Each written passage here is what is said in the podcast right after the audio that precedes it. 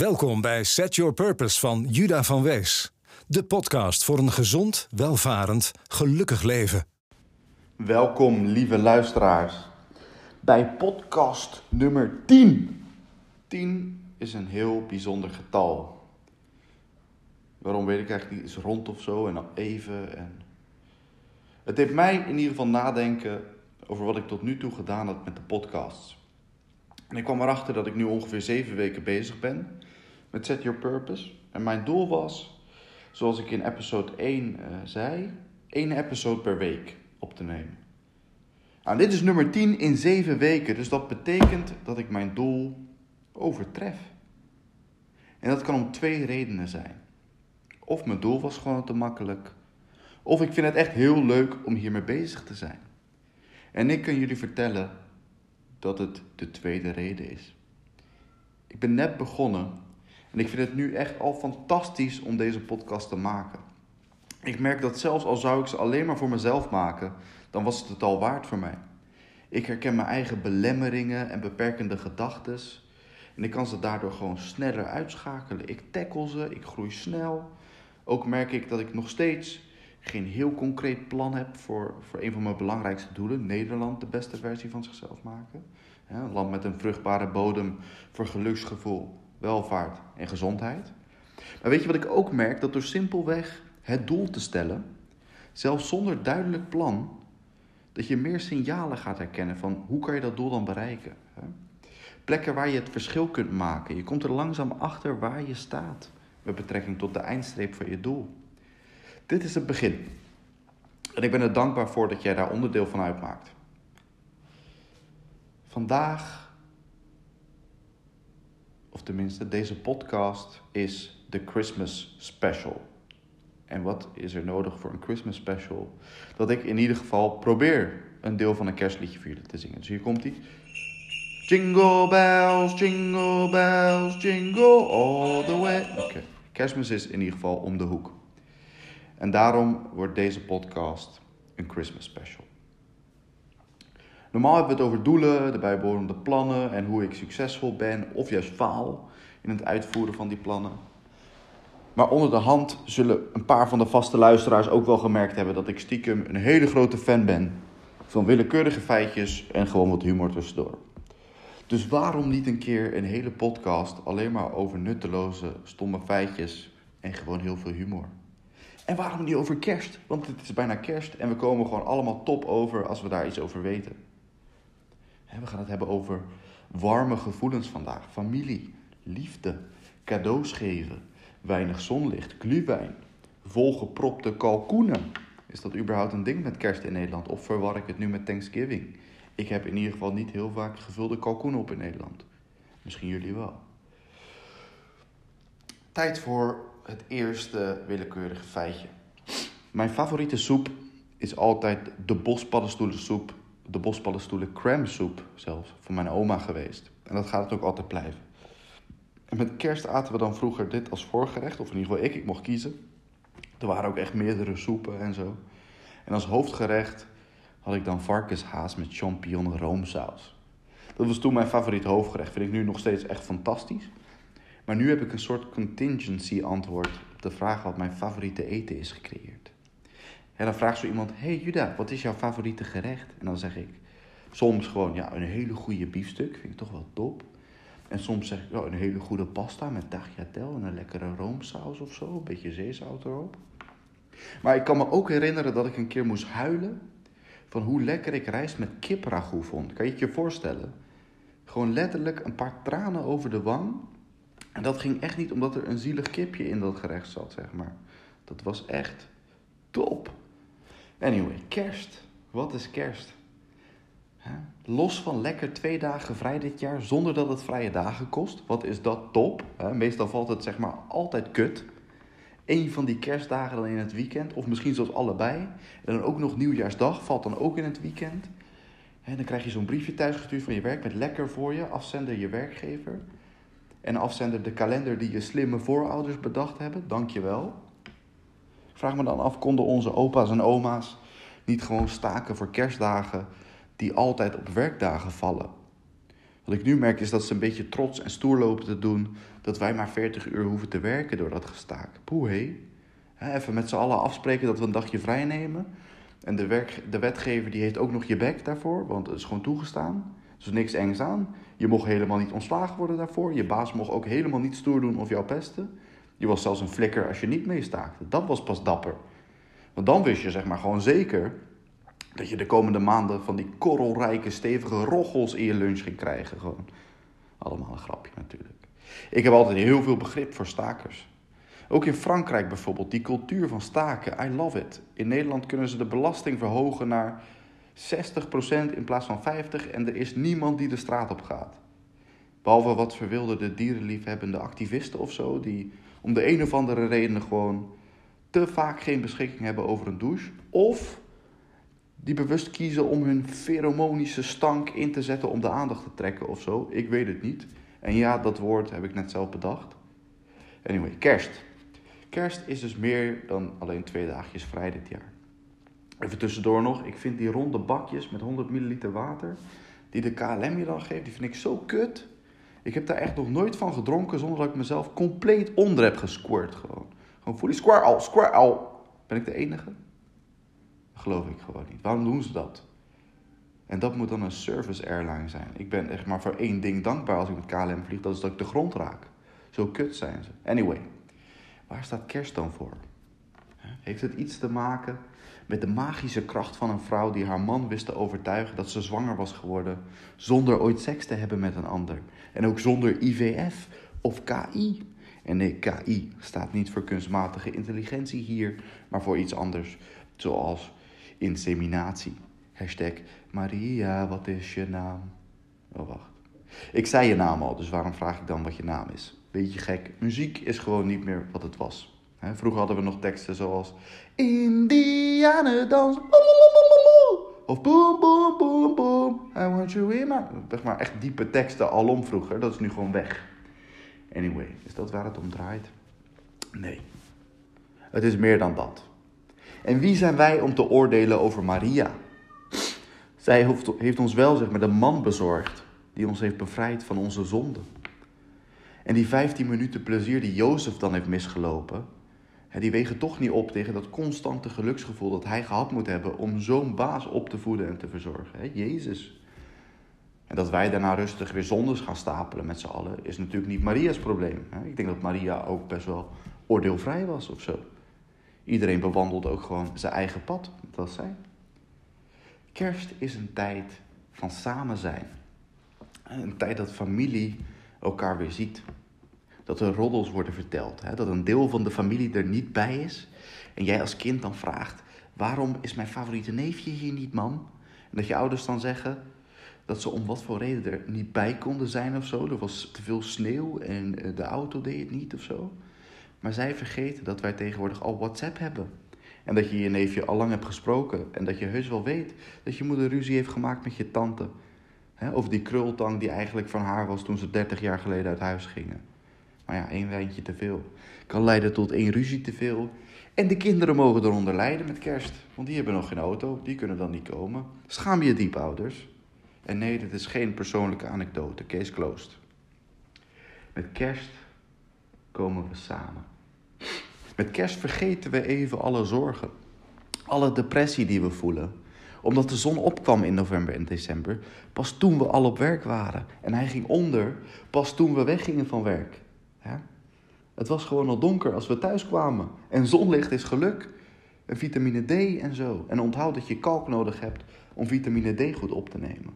Vitamine D is goed voor je weerstand. We komen samen en we geven cadeaus. En we spreken af dat we niet boven de 20 euro gaan. Hè? Afgesproken is afgesproken. En dan komt die net iets te rijke oom.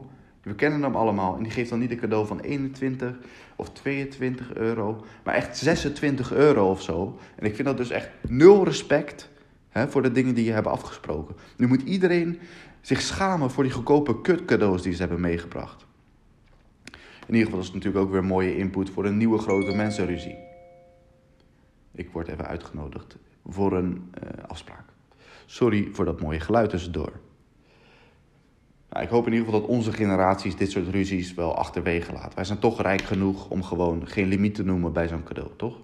Wij komen soms gewoon aan met kerstcadeaus van onder de 5 euro. En dan weet iedereen op dat feest gewoon: oké, kutmaand, niks aan de hand. Je hebt een moeilijk jaar, je baas betaalt je sowieso niet te genoeg, want je bent zo slim. Je bent überhaupt al gewoon de slimste generatie die ooit op aarde heeft geloofd. En dan is boem, twee jaar later van cadeaus van minder dan 5 euro naar een PlayStation spel van 60 euro voor je minst favoriete neefje. Dat iedereen denkt, what the fuck? Dat was een van de 12 cadeaus die je geeft. Heb jij 600 euro aan kerstcadeaus uitgegeven? What the fuck? Salarisopbouw bij die millennial generatie gaat echt exponentieel. Als je herkent in dit verhaal, wil ik heel graag je vriend zijn, want ik wil ook dure cadeaus. Dat was een grapje. Spullen maken niet gelukkig. Tenzij je ze krijgt van iemand. Dus oh, ik weet het eigenlijk. Los van samenkomen en cadeaus geven doen we nog iets anders. En dat weten we allemaal wat we precies doen. We eten samen. Maar zeg maar nooit de hoeveelheid voeding die we nodig hebben. Weet je, sommige mensen die schrijven dan op. Uh, dit is de verhouding koolhydraten, eiwitten en vetten die ik nodig heb. Zoveel gram van alles. Uh, maar bij kerst, je weet hoe het gaat. Gewoon niet wat je nodig hebt. Nee, echt altijd veel te veel. Gewoon heel je maagwand moet in de maximale rekstand staan. En dan neem je nog een beetje tiramisu. Hè, wat is er mis met jou? En ik hoor je al denken, hou je bek. Ik krijg nooit eten heel het jaar.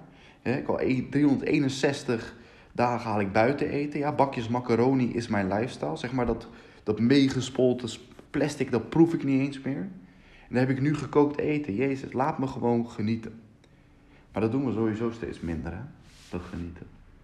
Tegenwoordig gaan we met kerst gezellig even uit eten. Niemand wil zijn best meer doen. De dag daarna is natuurlijk ook altijd kut als jij dat, als jij dat op jezelf hebt genomen om dat te organiseren. Hè? Met zoveel afwas. Alsof je überhaupt nog afwas. Is je vaatwasser ineens stuk of zo. Maar oké. Ik geef al toe, die hondenpoep onder de schoen van dat ene kutkind die net de laatste schoenen uitdeed, is wel vervelend. Dat je dat moet opruimen. En waar gaan we dan uit eten? Dat is echt wel een constante voor Nederlandse gezinnen. Hè? Altijd bij de Chinees. Van kalkoen naar Peking eend op de een of andere manier. Er zijn tegenwoordig echt honderd andere opties. Enorm betaalbaar. Italiaans, Spaans, Nederlands, Frans, noem maar op. Maar weet je wat? Jullie hebben ook gewoon fucking gelijk. Never change a winning team. Gefrituurde kat blijft ook gewoon lekker. En tegelijkertijd of zes katten hebben of twee honden. Je houdt niet echt van je huisdieren. Ja? Je eet meerdere keren per jaar bij de Chinees. Eén keer oké, maar gestaag kattenvlees eten, ik weet het niet man. Dat is in ieder geval niet mijn ding. En mijn twee katjes, Lily en Lola, die zouden mij in ieder geval nooit vergeven. En dat, terwijl ik ze toch altijd leer, dat je vergeven, weet je, dat doe je niet voor de ander, hè, maar dat doe je omdat je het zelf verdient. Ik las laatst een verhaaltje aan ze voor, voor het slapen gaan over een groep monniken. Die gingen op een tocht, een soort bedevaart. En dat waren van die strenge monniken, weet je wel, van zo'n celibatair leven. En als je niet weet wat dat betekent, ik ook niet tot een jaar geleden, maar nu dat ik het wel weet, gebruik ik dit woord minstens zes keer per dag om slim over te komen. Maar een leven zonder seks, een celibatair leven, een leven vol onthouding. Een leven waarin je je enige levensdoel waarvan je zeker weet dat het een doel is, namelijk reproductie, ontkent in de naam van geloof. Anyway, deze celibataire monniken, die komen op een gegeven moment bij een diepe, wilde, net te brede rivier. En ze besluiten hun wilskracht te testen en te vertrouwen op hun monk skills om er toch doorheen te komen. Ja? Echter, een vrouw kruiste hun op de route die zij net namen. Ja? Die wilde ook diezelfde rivier oversteken, maar zij dacht: dat gaat mij nooit lukken. Ik ga dat niet overleven als ik nu dat water in spring. Dus een van die monniken die nam haar op zijn schouders en die raakte het water bijna niet eens, hè, die vrouw. Door hem. Hij heeft er gewoon levend, ongedeerd, boem, aan de andere kant op de oever gezet. Dus die monniken die liepen weer verder. Totdat, hè, totdat een van die monniken zei... Wat vind je er nou zelf van, hè? Zo'n vrouw op je schouder nemen. Dat vond je zeker wel lekker, hè? Lekker, hè? Schijncelibaat. Ik weet niet, uh, nogmaals, of dit een woord is. Maar Lily en Lola, die begrepen dat. Dus als dat bij jou niet het geval is, dat ligt aan jou en niet aan mij. En die monnik die de vrouw geholpen had, die zei, what the fuck? Nou, hij, zei, hij zei geen what the fuck, maar hij bood inzicht aan de ander. Hij zei namelijk, ik heb net die vrouw door het water heen gedragen. En daar mag je een oordeel over hebben. Maar jij draagt haar nu nog steeds bij je. Wauw, laat los.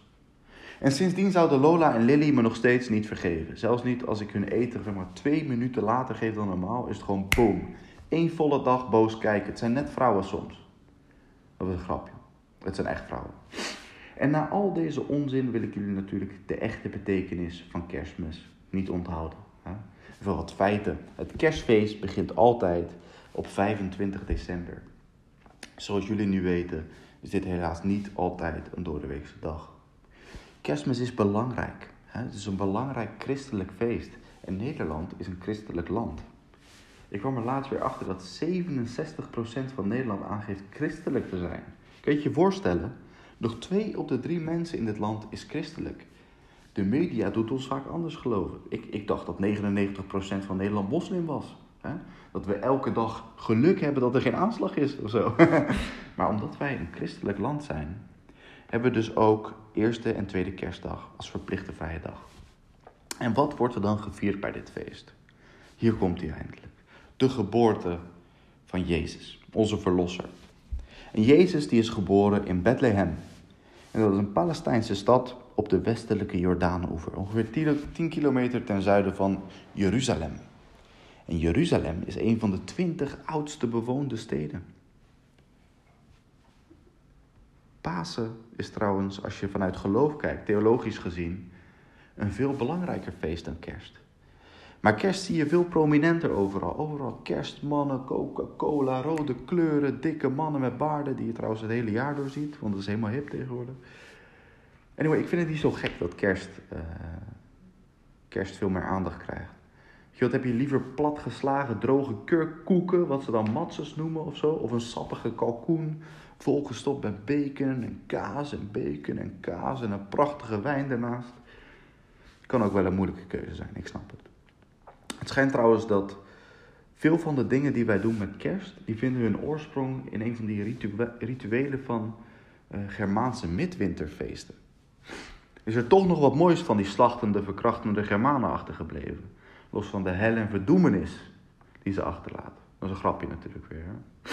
Wie ben ik überhaupt om te zeggen dat een van onze politieke voorvechters van een democratischer land uh, geen gelijk had toen hij zei: sommige vrouwen die willen gewoon verkracht worden. Of die worden gewoon nat van verkrachters of zo.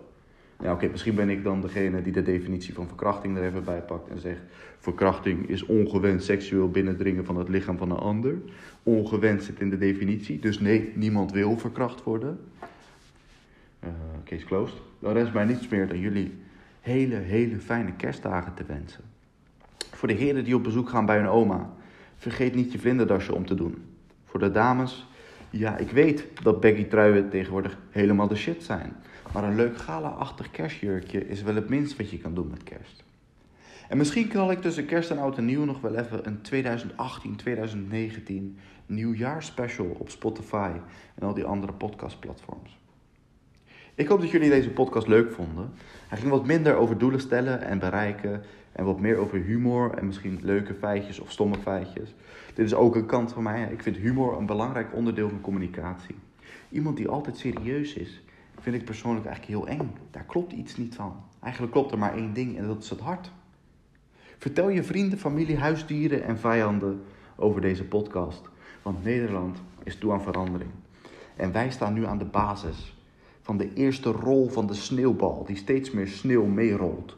En op een gegeven moment de status quo in dit land als een lawine wegvaagt en vervangt door nieuwe, mooiere bestuursvormen.